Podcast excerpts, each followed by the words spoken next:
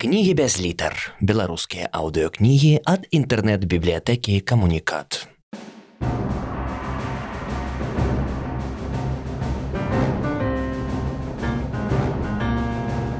Олесь Пашкевич. Рух. Раздел десятый.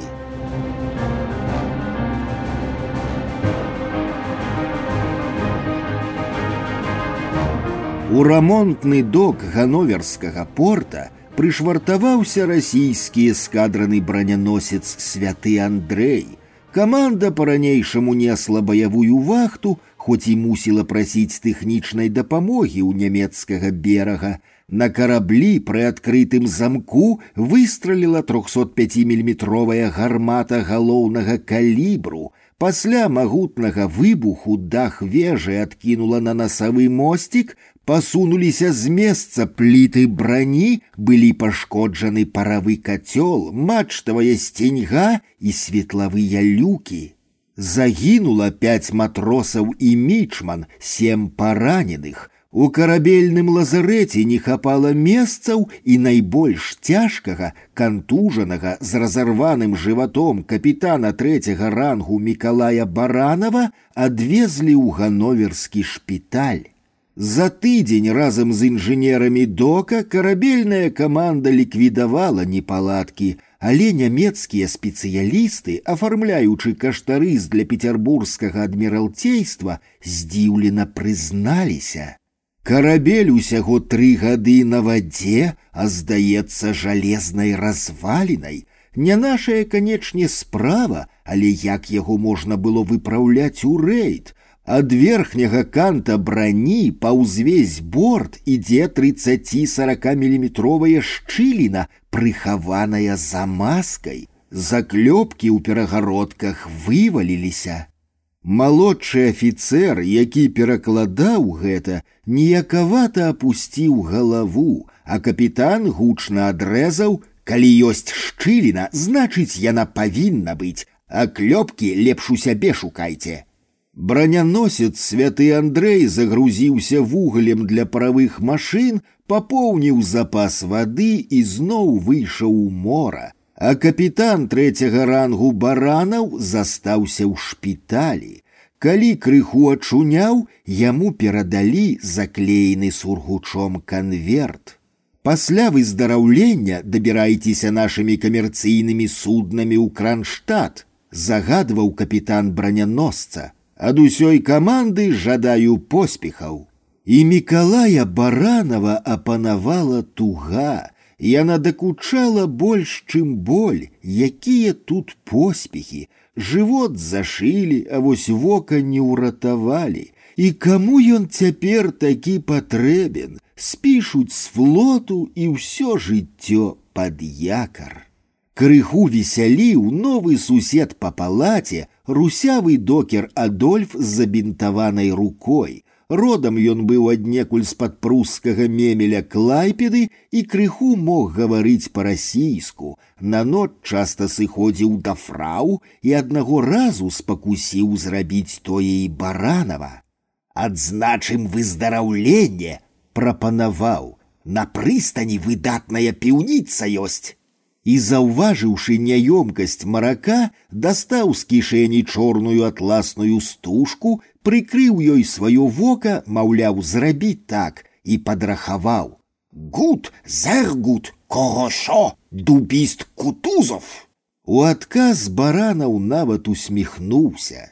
За багата накрытым сталом ён на некаторы час забыў на сваё гора, у расчыненае в окно залятаў саладжавы марскі ветер, віно і віскі бадзёрылі яшчэ маладую кроў, аб чымсьці весела сакаталі кабеты насупраць, Адольф агучваў тост за тостам.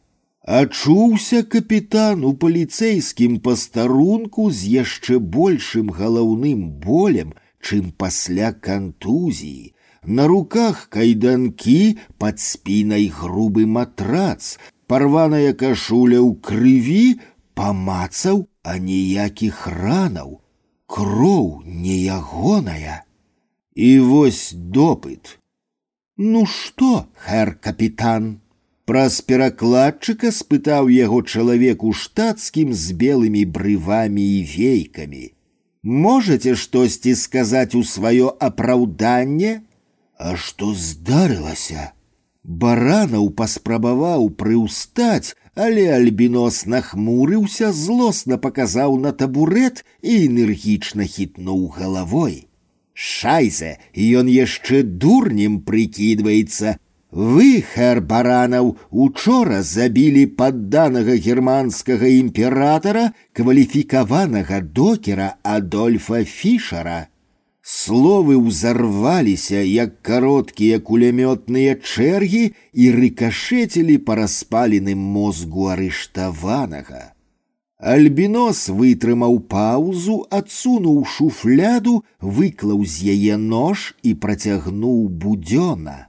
На прадмеце злачынства вашыя адбіткі, сведкі, дзве фрау з суседняга рэстараннага століка і афіцыянт. Паўтараю зноў, штосьці ў сваё апраўданне заявіць можаце. Змрочны шэры пакой пайшоў перад вокам баранава ў круга, яго ледзь не званітавала. Што ж, не, дык і не. Следчы наспех сабраў нейкія паперы і падрахаваў. Перадаём справу ў суд, гадоў двадцать турмы вам гарантаваныя, час подумать будзе, як кажуць, die Zeit halt alle Wunden. Баранова нібы працяла токам. Як забіў Адольфа? Барана усіліўся ўзгадаць заканчэнне страшнага вечара, але далей за новапрынесеную бутэльку віскі з пазалочанай этыкеткай і гартанны смех рыжай немкі з нафарбаванымі вуснамі узбуджаныя клеткі ягонага мозга не даходзілі. Як? Выкліканы канваір прыціснуў яго да табурета, а следчы альбінос працягваў спакойна. Звычайна, і вы не спішыце ўсё на посткантузійны синдром, Два удары ножом под сэрца за тое, што гэр Фішер паспрабаваў абараніць ад вашага п'янага ганьбавання нямецкую кабету. Бедалага сканаў па дарозе ў шпіталь і ўвесь час паўтараў: Фюр вас за што? Перад медыкамі першымі з'явіліся рэпарцёры, і я ўяўляю, якімі будуць заўтрашнія газетныя перадавіцы, Ды вы, думаю, яшчэ паспееце з імі азнаёміцца, як і вашыя суродзічы ў рассіі. Бывайце. Следчы склаў паперы ў тэчку і пакрочыў да жалезнай дзвярыны, каля якой спыніўся. Хаця газеты могуць выйсці і без тых крыклівых перадавіц. Ён вярнуўся і кінуў тэчку на стол, Баранаў запытальна, не дыхаючы, утаропіўся ўцалелым вокам у бялявага следчага. Здзейсненае кідае цень на братэрскія адносіны і паміж нашымі войскамі і паміж нашымі імператарамі, і мы б маглі пра ўсё забыць, так забыць як страшны хмельны сон, калі б з вашага хэр капітан боку адчулі раскаянне і займелі дарадцу памочніка, і вы б змаглі тады спакойна вярнуцца на радзіму. Што? Што я павінен зрабіць? Баранаву па-ранейшаму не хапала паветра. Следчы грэбліва адхінуўся ад стала і прыклаў назад наравісты чуб. На пачатку заплаціць сям'і фішара 300 тысячаў марак. У мяне няма столькі грошай. У руках баранава здалося парвалася апошняя канатная вяроўчына. Ну, то і няма больш размовы. Следчы нахіліўся над сталом да агаломшанага забойцы і прашаптаў: Зрэшты, паспрабуйце іх зарабіць. Тры-чатыры вашыя інфармацыі, важныя інфармацыі пра стан спраў у ваенным флоце и вы будете мець больш. Вока баранова выявіла ў адначас нямы дакор, спалох і задуменне. Толькі не пачынайце цяпер пра нейкую там здраду прысязе ды іншае. Вы, як вопытны марскі афіцэр, ведаеце, што нямецкі флот нашмат адстае ад расійскага, і вашая магчымая супраца толькі на мілю наблізіць нас да разумення вашых поспехаў, а пад сцягамі нямецкага флоту вы ўрэшце будете мець найбліжэйшага саюзніка. І без паўзы Калі згодныя, падпішыце вось тут і спакойна едьце ў свой кранштадт. Дык а што ж я буду ведаць? Голас капітана трэцяга рангу задрыжэў. Мяне ж спішуць па інваліднасці на бераг. У душы следчага заігралі трубы, Ён зразумеў, што трывала зачапіў на свой шпіёнскі кручок чарговую рыбіну і ледзь стрымліваў экстазную асалоду.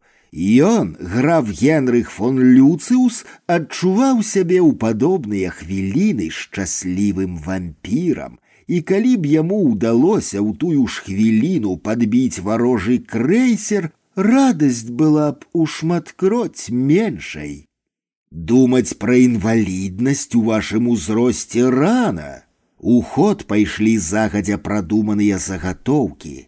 И не настолькі, поверьте, ваше адміралцейства багатае, каб раскидываться капитанами. Па вяртанні адразу ж пісьмова звярніцеся да марскога міністра і да яго вялікасці імператара з просьбай пакінуць вас у штатных шэрагах, распавядзіце прычыны інваліднасці, Зрэшты, калі ўсё будзе добра, мы вам зробім другое вока, самі не поверыце. Думаем, вас усё ж пакінуць пры штабе, пры адміралцействе, у горшым выпадку пры марской акадэміі. Вось і ўсё.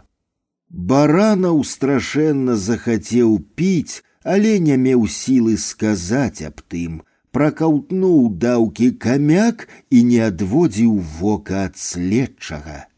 Усё, паўтарыў той, збірайцеся дамоў, калі уладкуецеся на новым месцы, дайце ў газету кранштадтскі веснік аб'яву. Мужчына сярэдняга ўзросту шукае дапамогі ў вырабе вочнага пратэза.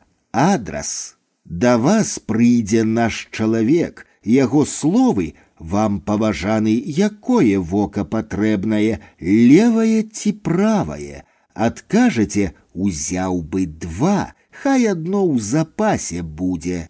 За кожнае вартае ўвагі паведамлення пра ваенны флот будете атрымліваць па дзве тысячы расійскіх рублёў за падводныя лодкі 5. Так што пастарайцеся працаўладкавацца вышэй, ну і не ўздумайце віляць, ведайце, як што не так, Вашая справа аб забойстве адразу ж будзе перададзена ў расійскі вышук і ў справу дадасца яшчэ ўцёк з месца злачынства. Вам, як і нам, гэта трэба? І альбінос зноў колкім позіркам прасвідраваў, як удаў зайца баранава, а напрыканцы сцібануў прымаўкай. Як кажуць у вас на флоте, гросе шіфе махен гросе фат вялікаму караблю вялікае плаванне. Пакуль са знямелага капітана трэцяга рангу знімалі кайданкі і налівалі яму вады, Генрых фон Люцыў з бадзёра ж пацараваў па турэмных калідорах і без перастанку усміхаўся. Ледзь не ляпнуў гэтаму аднавокаму дурню, besser ein Auge verlieren als den guten Ruf лепш страціць вока, чым добрую рэпутацыю. Трэба завязваць з гэтымі філалагічнымі букетамі і нечакана пераскочыў на іншае. Напэўна, не варта фарбавацца ў чорнае, белае паланяе хутчэй і не забыць бы праставіць фішару піва.